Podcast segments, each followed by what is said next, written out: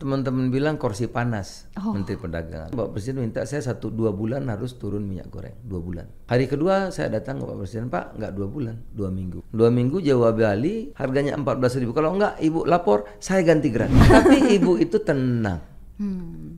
Tapi kalau saya nggak nggak nggak menjelaskan, konsumen gelisah. Kalau konsumen konsumen gelisah nggak bisa tenang, itulah sumber masalah. Ya kalau kita memang ada yang salah, kita apa-apa dimarahin kan wajar aja.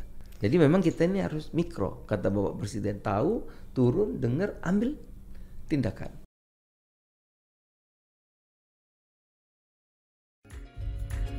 Bincang-bincang seru di podcast kabinet dan setiap mari dengarkan diskusi hangat dan Halo kawan kabinet, selamat datang di Podcast, podcast kabinet dan sekretariat kabinet. Saya Nadira dari sekretariat kabinet yang akan menjadi host kamu di episode podcast kali ini. Nah, Podcasts adalah podcast resmi sekretariat kabinet yang berisi ngobrol-ngobrol dan diskusi tentang berbagai topik, mulai dari kebijakan pemerintah, hot issue yang sedang berkembang di masyarakat, sampai dengan profil para menteri. Tentunya dikemas dengan penyampaian yang ringan dan santai. Nah, hari ini bintang tamu Podcasts adalah seseorang yang sudah lama berkecimpung di dunia pemerintahan, bahkan di legislatif maupun eksekutif, dan beliau pernah menjadi ketua MPR, kemudian beliau pernah menjadi anggota DPR dan juga Menteri Kehutanan. Nah, belum lama ini beliau ditunjuk oleh Bapak Presiden Jokowi untuk membantu Presiden mengurus bidang perdagangan.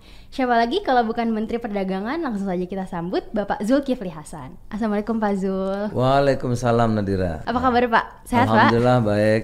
Ini pagi-pagi saya sudah di Tangerang tadi ngelepas ekspor sepatu. Eh, kemudian pagi sebelumnya sidak pasar. Wah, Eh, kemudian tadi pertemuan dengan eh, apa namanya partai politik ya. sibuk ya Pak berarti? ya, untuk mengantisipasi harga-harga pasca kenaikan BBM ya. Tapi sebelumnya terima kasih dulu nih Pak karena Hmm. sudah menyempatkan di tengah kesibukan Ya. untuk datang di podcast ini. Penting memberikan informasi toh. Betul. Penting. Nah Pak, ini tadi saya udah sempat nyampein nih ke kawan kabinet kalau Hmm. Pak Zul ini pernah mengemban berbagai jabatan tinggi. Hmm. Ini pasti punya amanah atau tanggung jawab yang besar juga ya Pak tantangannya masing-masing. Hmm. Ada jadi ketua MPR, jadi Menteri Kehutanan, dan Iya. sekarang menjadi Menteri Perdagangan. Iya. Tapi nih Pak, kalau disuruh milih, kira-kira menurut Pak Zul mana yang paling berkesan? Kalau milih saya milih ngomong, ngomong cucu. Pilih salah satu nih Pak, ada tiga iya. pilihannya. Kalau ngomong cucu tuh bahagia dan ya pastilah namanya saya dipanggilnya Opi kan. Oh, Pi Cucu Pak. saya udah tujuh. Oh, ada tujuh. Tapi kan ini tugas. Betul. Ya, jadi kalau soal bahagia maunya ya, saya mau mau cucu, mau cucu itu buat saya mewah sekali. Ya. Harta yang paling berharga ya, Pak. mewah lah kalau bisa santai sama cucu tuh mewah betul. Tapi ini kan tugas. Egois dong kalau saya hanya mementingkan diri sendiri ya, apalagi keluarga gitu. Nah, ini dapat tugas dari Pak Presiden, dulu juga begitu, tugas dari negara sebagai ketua MPR. Ya penugasan itu tentu banyak suka duka dan tidak mudah gitu ya. Kita mesti kerja sepenuh hati kan. Jadi sama beratnya. Mm. Sama Tapi- beratnya nih, Pak. Ya tapi juga membahagiakan kalau bisa berbuat banyak untuk merah putih, untuk masyarakat, untuk bangsa dan negara itu ya. Mm. Nah, Pak, tapi kalau ngomongin yang mengesankan lagi, saya tuh jadi ingat pernah dengar juga nih kalau Pak Zul itu punya hobi olahraga bela diri Kyokushin. Iya, saya Katanya- memang iya. Bahkan Saya, sampai eh, dapat sabuk hitam kehormatan ya, Pak. Iya, Kyokushin, saya juga pernah ketua tarung derajat, kickboxer. Oh. Ya memang saya hobinya tarung bebas. Bapak kenapa bisa suka sih sama olahraga ya, bela diri lagi gitu? kerjanya berat kan, kalau kerja kerja tugasnya berat, ya harga cabai lagi mahal, itu minyak nggak turun-turun, eh, tegang, stres gitu, ya kita olahraga tarung bebas. Melepas penat jadinya Ya, juga ya, jadi Pak. nanti keringatan, anu ya bisa rileks lagi. Oh, terus bisa Kalau nggak ada teman saya lari. Oh gitu, jadi Lari saya, iya. ada beberapa olahraga yang hobi gitu ya pak. Ya, Nah ini tapi tadi bapak udah ngomong yang bapak hobi gitu yang bapak suka. Mm. Tapi saya yakin bapak yang satu ini nggak kalah suka karena saya punya beberapa foto buat bapak. Kita lihat dulu ya pak fotonya. Nah ini dia foto. Oh ini pacar saya. Pak ini kalau istilah anak sekarang tuh namanya bucin pak. budak cinta. Bener Iya. nggak? Pak Zul Iya. ini bucin sama Ibu Zul. Iya, oh cinta banget. Udah berapa ya, lama sih Pak? pokoknya kita kita bisa begini, tentu ada yang di belakang yang mendukung kita. Ya itulah Bu Zul ya. Tuh cantik kan Bu Zul? Iya dong Pak. Ah, Saya paling lihat cantik nggak ada duanya. lihat Instagram Bapak, saya follow Ah. juga loh Pak. Makasih ya. Udah berapa lama pernikahan sih Pak berarti? Hmm, 87, 35 tahun. Wah, iya ya, 35 tahun. Tuh lama. Tapi Bapak masih ingat nggak nih awal ketemu Ibu Hmm. di mana? Dulu saya eh, acara dulu waktu sekolah. Saya kan Oh, saya pas kan anak, anak kos SMA. Kalau naik SMA itu suka keliling, ada ulang tahun siapa aja datang. nah, jadi saya sama teman-teman pakai gitar tuh ada ulang tahun kita mampir. Ah, itu kenal pertama. Nah. Nyanyi-nyanyi gini nggak Pak? Oh iya, yang pinter nyanyi istri saya. Saya, Oh, gitu. Saya pinternya doa. Alhamdulillah. Tapi tadi gitaran juga ya Pak berarti? Iya, enggak, enggak. Saya pokoknya kalau musik dulu waktu sekolah. Oh, kalau oke. pelajaran seni suara, saya bolos main bola. Bapak bisa aja. Pak, ini tapi ada satu video lagi surprise nih buat Bapak. Kita lihat dulu tayangannya ya, Pak.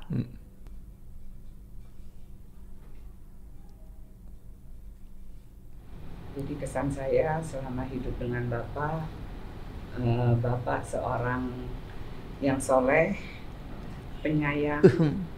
Pokoknya Bapak tuh sangat sangat menyayangi istri. Pada ada. Hmm. so sweet ya, Pak. Ya fakta menariknya kan Bapak selalu berpenampilan rapi. Hmm. Kalau di rumah udah nyari kain sarung itu. Di rumah saya pakai Nah, sarung. Dan Bapak itu seorang uh, Hmm. suami yang penyayang, sayang dengan cucu-cucunya, dekat sekali dengan cucu-cucunya. Dan orangnya tuh Bapak sangat apa ya peka. Uh, kalau dia udah sibuk itu misalnya satu minggu saya udah bilang, eh cucu-cucu salam lah sama kamu langsung dia. Aduh aku belum melihat cucuku langsung biar malam tuh dia ca- dia Hmm. pergi, dia tengok satu-satu. Hmm, ya. Oh,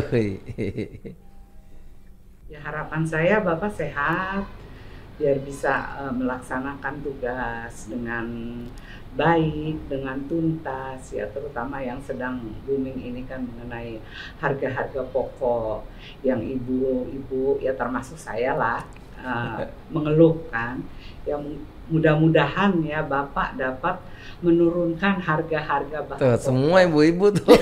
Termasuk Bu Zul ya, Pak. Iya. Aduh. Saya sering tanya, ini harga telur berapa?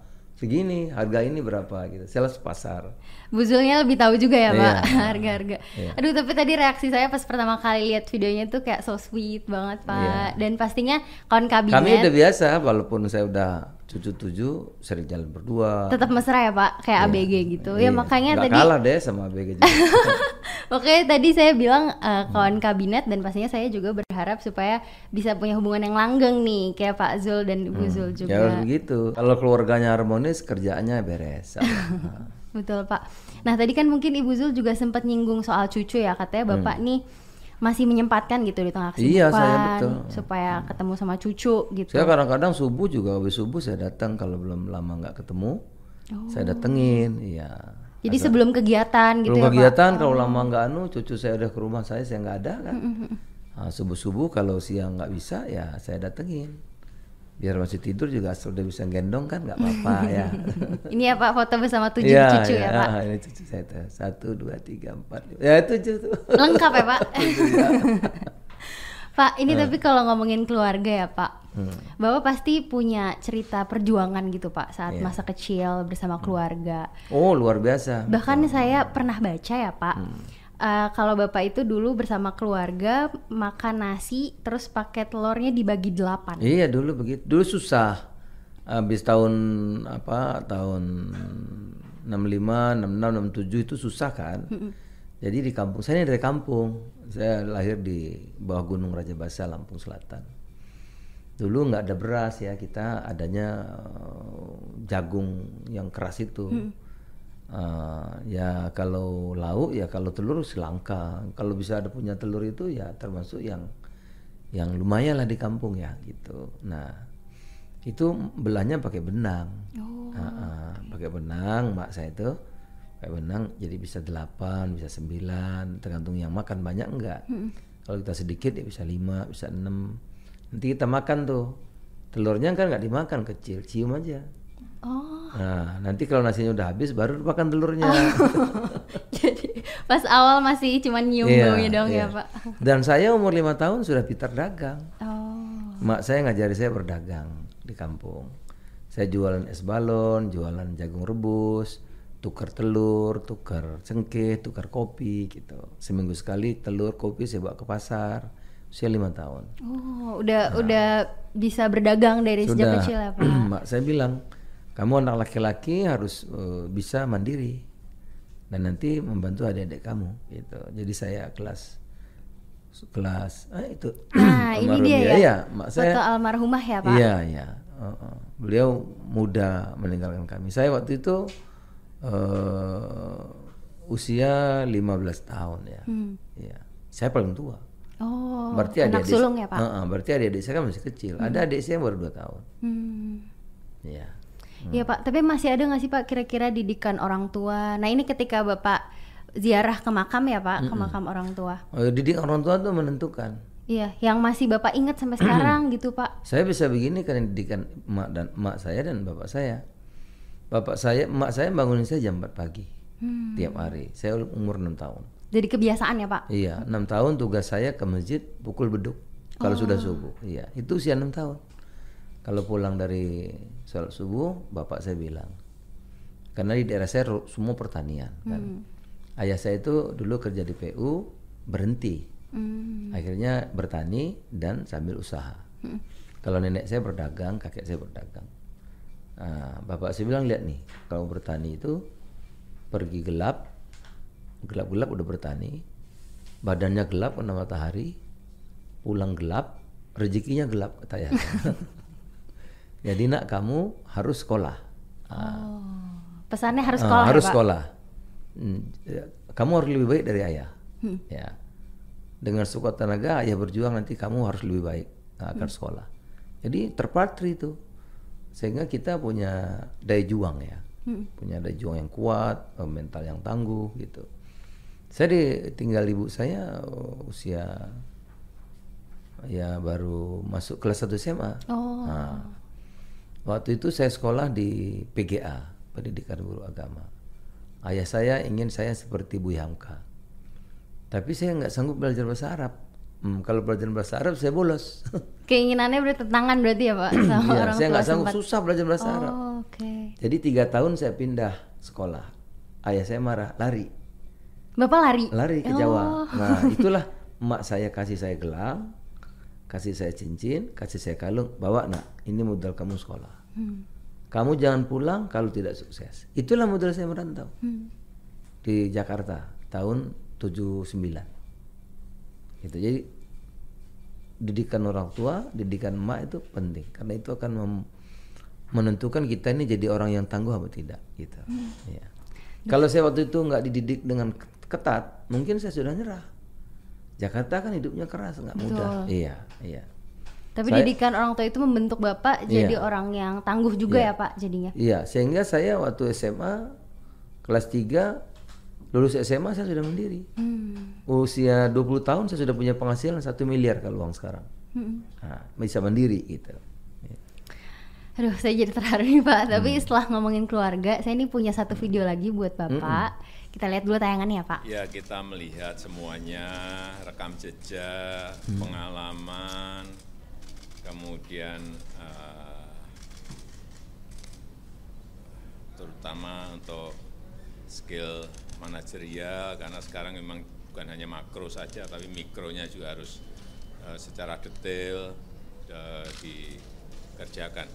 Dan saya melihat Pak Zul dengan pengalaman, dengan track record rekam jejak yang panjang saya kira eh, akan sangat bagus untuk eh, Menteri Perdagangan karena sekarang ini urusan eh, pangan eh, yang berkaitan dengan rakyat ini memerlukan pengalaman lapangan, memerlukan kerja-kerja yang terjun lapangan untuk melihat langsung persoalan yang berkaitan utamanya yang berkaitan dengan kebutuhan pokok rakyat. Nah, itu tadi video pernyataan Bapak Presiden iya, iya. setelah melantik Bapak dan Pak Iya, Hadi ya Pak, tanggal ya. 15 Juni kemarin. Ah. Nah ini kan saya lihat Pak Presiden itu terlihat sangat yakin juga ya Pak melihat katanya rekam jejak, track record gitu.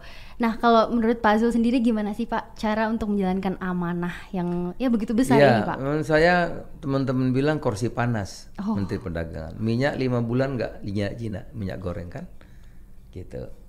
Harga bahan pokok melambung, nggak terkendali juga, mahal gitu. Sehingga bapak memutuskan mempercayakan ini kepada saya. ya. Hmm. Eh, teman-teman menyayangkan kok saya mau gitu waktu itu. Oh, malah gitu ya, Satu, Pak? Hmm. iya, eh, karena itu kursi panas katanya. Nah, kedua mereka juga nggak percaya sama saya. Mana bisa Zul Hasan ngurusi perdagangan? Diremehkan Ah, gitu ya, Pak? nggak ada yang percaya lah gitu. Nah, saya jelaskan. Saya usia 20 tahun urusan dagang begini nggak nggak nggak anu sih, tapi memang pengalaman saya. 20 tahun saya sudah punya distribusi besar di 20 provinsi. Hmm. Sudah punya distributor di 200 100 lebih kabupaten kota. Jadi sangat terlatih. Nah, oleh karenanya Bapak Presiden minta saya satu dua bulan harus turun minyak goreng dua bulan, gitu. Saya satu hari kaget memang, ya mesti belajar kan. Hari kedua saya datang ke Pak Presiden, Pak nggak dua bulan, dua minggu. Ah, yang betul dua minggu, Bener dua minggu ya Pak? dua minggu, dua minggu Jawa Bali eh, sudah 14.000 ribu, dua minggu, gitu. Sebulan sampai Papua lah sudah. Sekarang minyak 14 yang yang brand pun sudah turun juga dari 25.000 ribu sekarang tinggal 18 19 ribu. Tapi yang minyak kita 14 ribu bahkan 13 ribu gitu. Nah dua Pak, minggu. ini bisa dibilang kan tadi tantangannya baru aja direkrut gitu ya, terus langsung dikasih tantangan dua Iya. bulan, tapi bisa dua tersedia minggu. tersedia eh, bahan pokok dan harga terjangkau. Oh. Nah Pak, tapi strateginya apa nih Pak untuk menstabilkan harga bahan pangan? Tadi kan Bapak Eh, sederhana, dua minggu tuh. iya sederhana. Kalau kita menjiwai, bekerja keras, kata Pak Presiden tadi tahu mikro, turun, Iya. harus turun ke pasar dengerin apa yang Belusukan ya, terjadi, Pak? Dilihat masalahnya apa, keluhan ibu apa, rantai pasoknya gimana, rantai distribusinya gimana, instrumennya ada untuk mengendalikan harga. Hmm. Minyak kenapa nggak turun-turun? Instrumennya nggak dipakai, ya nggak turun, malah orang antri kan.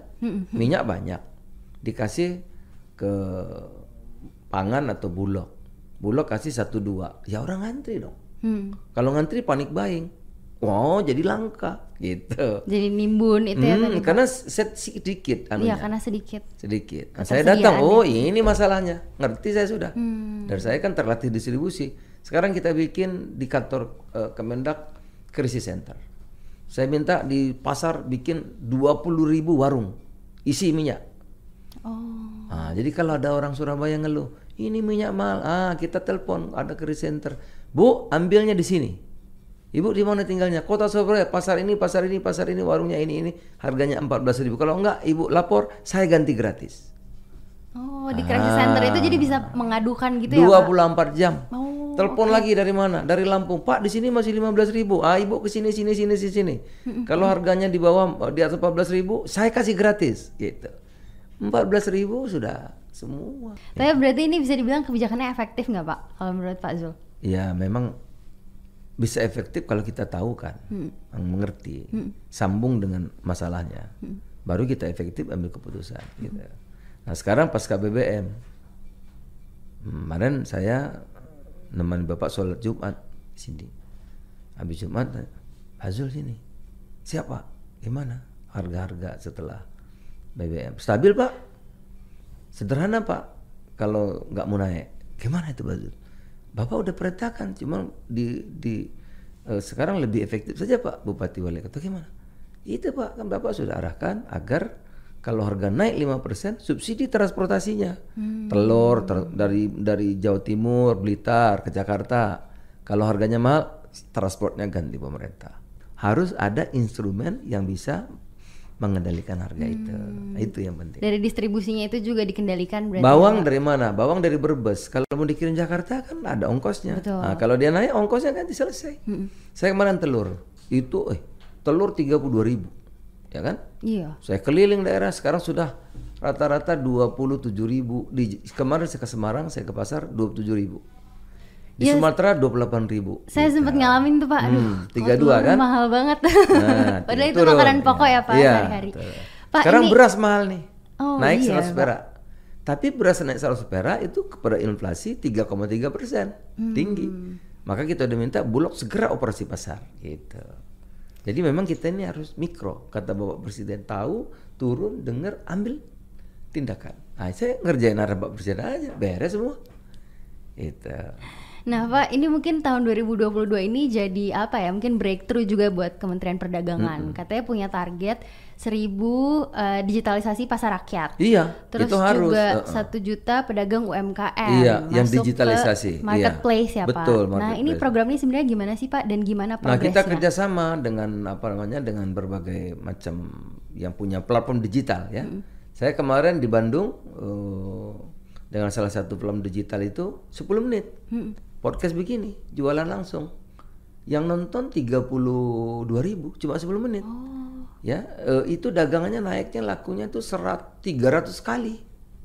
300 persen tuh laku. Jadi kalau pasar sepi, dia bisa jualan dua macam kan? Satu di pasarnya, kemudian orang mesen gitu. Kalau digital itu tadi Kalau ya, digital Pak? iya. Dan itu juga bisa menyambung. Saya kemarin nanam ketela 10 hektar, ya kan? Produksinya banyak. Saya nggak tahu jualnya. Akhirnya jadi ketela kalau nggak dipetik jadi akar lagi, gitu.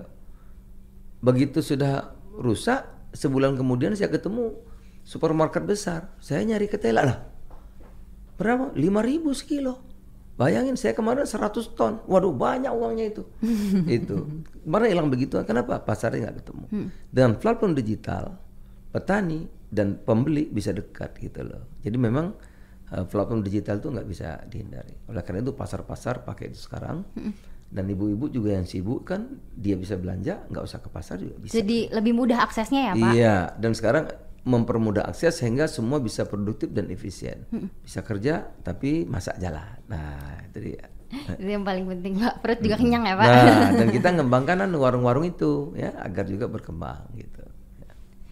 Nah, Pak, sebagai politisi sudah dibilang senior ya, Pak? Ya senior sekarang saya termasuk senior ya. Sudah berkecimpung di dunia politik cukup lama.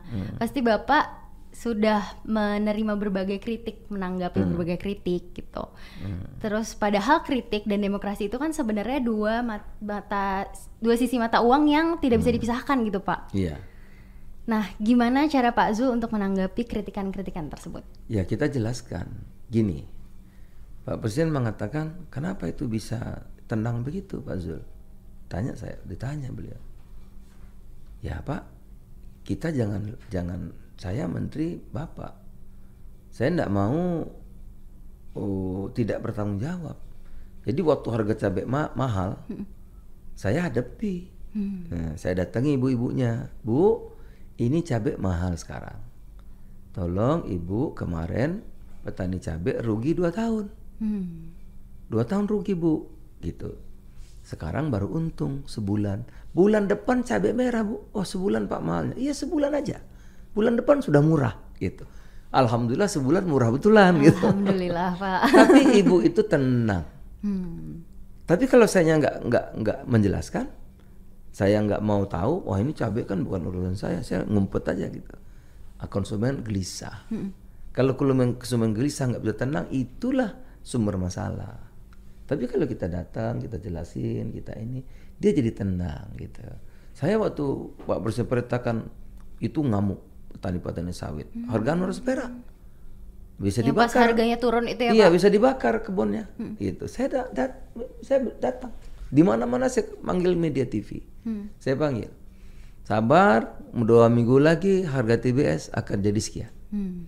dua minggu lagi akan jadi sekian ya kan? Akhir bulan akan jadi sekian. Sabar sedikit lagi. Ah, orang tenang tunggu. Dua minggu oh iya naik dik betul naik. Dua minggu eh naik betul. Orang tenang gitu. Jadi kita harus jelaskan kepada publik itu. Serumit apa pun sesulit apa pun jelaskan yang kita hadapi. Itu penting gitu. Jadi pendekatannya tadi melalui ya penjelasan. dijelaskan gitu ya, kita nggak boleh me- menemui orang yang sedang marah menjelaskan kepada orang yang sedang marah itu separuh selesai udah Hmm. tapi kalau kita menghindar ah tambah marahnya dua kali Bener tuh Pak. Gitu oh, tapi kira-kira. pernah down nggak ngadepin kritikan gitu? ya kalau kita memang ada yang salah kita apa-apa dimarahin kan wajar aja gitu jadi eh, kritik protes itu kalau menurut saya bagian dari eh, Demokrasi tugas. tadi itu ya, Nah, Pak, bagian juga. dari tugas kita gitu. Oh iya. Pak, ini sebentar lagi 2024 nih. Kita bakal menghadapi pemilu. Iya. Dan setahu saya nanti uh, pemilu di tahun 2024 bakal didominasi oleh uh, pemilih milenial Iya, dan memang. juga generasi Z. 60 tuh Iya. persen. Nah, Iya, itu Bapak benar iya. meningkatkan eh, meningkatnya sampai 60% persen ya, Pak, Iya, nanti iya, pemilihnya. mm. Nah, tapi kan banyak nih generasi ya, mungkin termasuk saya juga, Pak. Mm. Kadang tuh kayak nggak terlalu aware gitu, Pak, sama politik. Padahal kan iya, ini malah penting. malah nggak suka kok ya. Padahal penting untuk masa depan ya, Pak. ya penting banget. Nah, gimana sih eh, menurut Pak Zul caranya untuk mengencourage anak muda gitu supaya ya lebih paling nggak lebih aware gitu Pak sama dunia politik? Ya harus harus masuk kepada dunia mereka. Hmm. Makanya kemarin saya bikin apa namanya eh, kampanye mengenai lingkungan. Hmm. Karena kalau kampanye partai anak muda mana mau? Ah ini Nggak partai. tertarik ya Pak? Oh partai anu partai nggak ada yang beres lah sudah nggak tertarik. Jadi kita mengenai climate change lingkungan. Saya temanya birukan langit Indonesia. Hmm. Tahu yang saya undang siapa? Siapa tuh Pak? K-pop. Oh. Wah, orang Oh ya? rame datang. yang datang puluhan ribu, dua puluh ribu orang datang di Istora tuh. Jadi pakai pendekatan yang kekinian gitu ya Pak? Ya sesuai dengan mereka muda? dunianya. Iya. Saya K-pop bingung apa ini musik. Saya tahunya kan beruri kan, ya Bob Bruri tutup Maranti poli kayak Pak, gini iya. gitu. Ini K-pop yang gini-gini saya kan nggak gitu. Tapi anak muda kan kalau dikasih beruri nggak ngerti dia. Hmm. Ya sudah kita ikut yang dunia mereka, Hmm. tapi kita punya message, ya, message mengenai climate change, mengenai ke- keber- keber- keberagaman, Hmm. mengenai eh, apa namanya penghormatan kepada hak-hak eh, manusia, keberagaman, kemanusiaan, eh, lingkungan, lingkungan yang bersih itu baik buat kita, baik buat dia, baik buat semuanya, gitu-gitu ya. Ada pesan semoga yang tersampaikan juga ya Pak ke Iya. masyarakat. Iya ya. betul. Nah Pak, ini tadi Bapak juga udah sempat ngomong nih, katanya anak muda bahkan mungkin cenderung nggak suka gitu sama politik. Tapi saya lihat memang concernnya ini anak muda banyak yang nggak percaya gitu Pak sama tokoh politik. Nah gimana tuh Pak caranya untuk earning trustnya anak muda lagi? Iya memang eh, sekali lagi ya, menurut survei kan, survei ini kan saintifik ya, saintifik artinya eh, memang anak muda ini nggak suka, nggak suka, apalagi ngomong partai gitu ya, modelnya sama aja gitu. Oleh karena itu kita punya secara gitu, dan sekarang kan media mainstream itu kan menjadi anu aja semacam vitamin kan, semua sekarang geraknya medsos gitu. Medsos itu orang nggak mau ngomong kayak saya begini panjang-panjang dan yang mau. Ya paling sekelebat aja kan. Ya 20 detik, 30 detik yang ringan-ringan ya kan. Nah, juga anak-anak muda suka sekarang saya bersyukur ya anak-anak muda kita itu punya talenta dan Hmm, betul. SDM-nya tuh hebat-hebat. Dan saya bangga itu mereka sekarang local pride, suka. Sama produk lokal, gitu bangga ya Pak? Bangga sekarang itu yang membagikan saya. Jadi saya pun pakai itu jam saya beli itu, jamnya Eiger merek. Wih mantap. Sepatu saya kan. Apa tuh, Pak, itu sepatunya? Ini apa nih play it eh, apa nih? Ada Produk kompas, juga ada ya? kompas, kompas. Kompas, ya. Nah, ini ya beli 200 ribu, tapi enak juga gitu. Ber- sudah Nah, berkualitas juga sudah, saya iya. produk-produk Dan saya lokal, lagi Pak. sekarang saya lagi dukung eh, anu Jakarta Muslim Fashion Week. Saya ingin Hmm. pakaian Muslim kita itu, modas kita itu yang Muslim ini bisa mendunia gitu ya. Kita kan pakaian Muslimnya oh, keren-keren, model-model kan. Ada etnik eh, Padang, ada Lampung dengan tapisnya, ada Jawa dengan batiknya. Wah keren deh. beragam banget ya Pak. Beragam. Nah, kemarin saya Indonesia. memberikan sambutan ada namanya satu produk kelambi yang akan ikut eh, London Fashion Week. Nah, keren kan? Nah, iya. Ada satu Wearing lagi saya, itu ya, Pak? Iya, ada satu lagi yang saya datangi kemarin si Erigo tuh ikut New York Fashion Week. Wah, keren anak-anak muda. Oh. Berangkat ke New York Anak gitu, muda Pak? semua tuh. Oh, Keren sih, Pak. Umurnya nggak sampai 30 tahun. Keren, Bayangin tuh, desainer-desainer kita tuh saya panggil di perdagangan. Coba anu pakai. Waduh, keren-keren. Nah, itu nanti kita akan bawa ke Dubai, UAE. ya. Kita buka pasar sekarang. Saya sudah ratifikasi perjanjian dengan ASEAN, dengan Tiongkok, dengan Korea Selatan, dengan Jepang. Jadi nanti kita ke Korea, Jepang, ke Eropa lagi saya urus ini eh, Comprehensive Economic Partnership Agreement agar kita nggak berpajak, sehingga nanti mereka bisa masuk. Kita juga buka pasar baru. Eh, Afrika tuh satu miliar orangnya, uangnya ada sekarang bisa belanja. Jadi Afrika nanti Timur Tengah ya. Timur Tengah memang ada yang ribut tapi banyak juga yang uangnya banyak. Minyak mahal sekarang. minyak mahal kan dia berduit gitu ya. Ada Arab Saudi banyak tuh lah. Ya kita kerjasama dengan dengan UAE hubnya nanti bebas pajak. Hmm. Nah, dari UAE nanti bisa ke Afrika Eropa Timur Asia Tengah Arab Saudi dan lain-lain jadi saatnya Indonesia menyerbu pasar internasional. Nah, Menyerbu pasar internasional supaya lebih kenal produk-produknya ya Pak. enggak kita harus jadi negara maju nanti 2045 kita bisa maju kalau kita menguasai dunia kan? Nah itu. Terima kasih banyak Pak Zul Ya, atas eh, menyediakan waktu hari ini sudah menyempatkan dan juga obrolan serunya terutama bagian bucinnya tadi Pak. oh iya iya iya iya ya, kasih. Terima kasih banyak Ya, Pak Zul. Saya memang termasuk anu apa tuh I- ISIS. ISIS. Apa tuh Pak? ISIS. Tahu nggak tahu ISIS maksudnya sih? Ikatan, Ikatan suami, suami. istri satu. Bisa Iya, ya Pak. Zul. Makasih Pak Zul. Nah, kawan kabinet saya belajar dari Pak Zul hari ini kalau kerja keras itu akan membuahkan hasil. Makanya perjuangan itu nggak ada yang sia-sia. Nah, buat kawan kabinet, kalau misalnya kamu punya ide atau saran Mau topik apa atau minta tamu siapa di podcast episode selanjutnya? Boleh langsung aja tulis di kolom komentar di bawah ini ya. Dan jangan lupa juga untuk subscribe, like, dan share YouTube channelnya Sekretariat Kabinet dan dengerin bincang-bincang ini melalui platform Spotify. Tunggu episode podcast selanjutnya. Nadira pamit dulu. Bye kawan kabinet. Oke. Okay.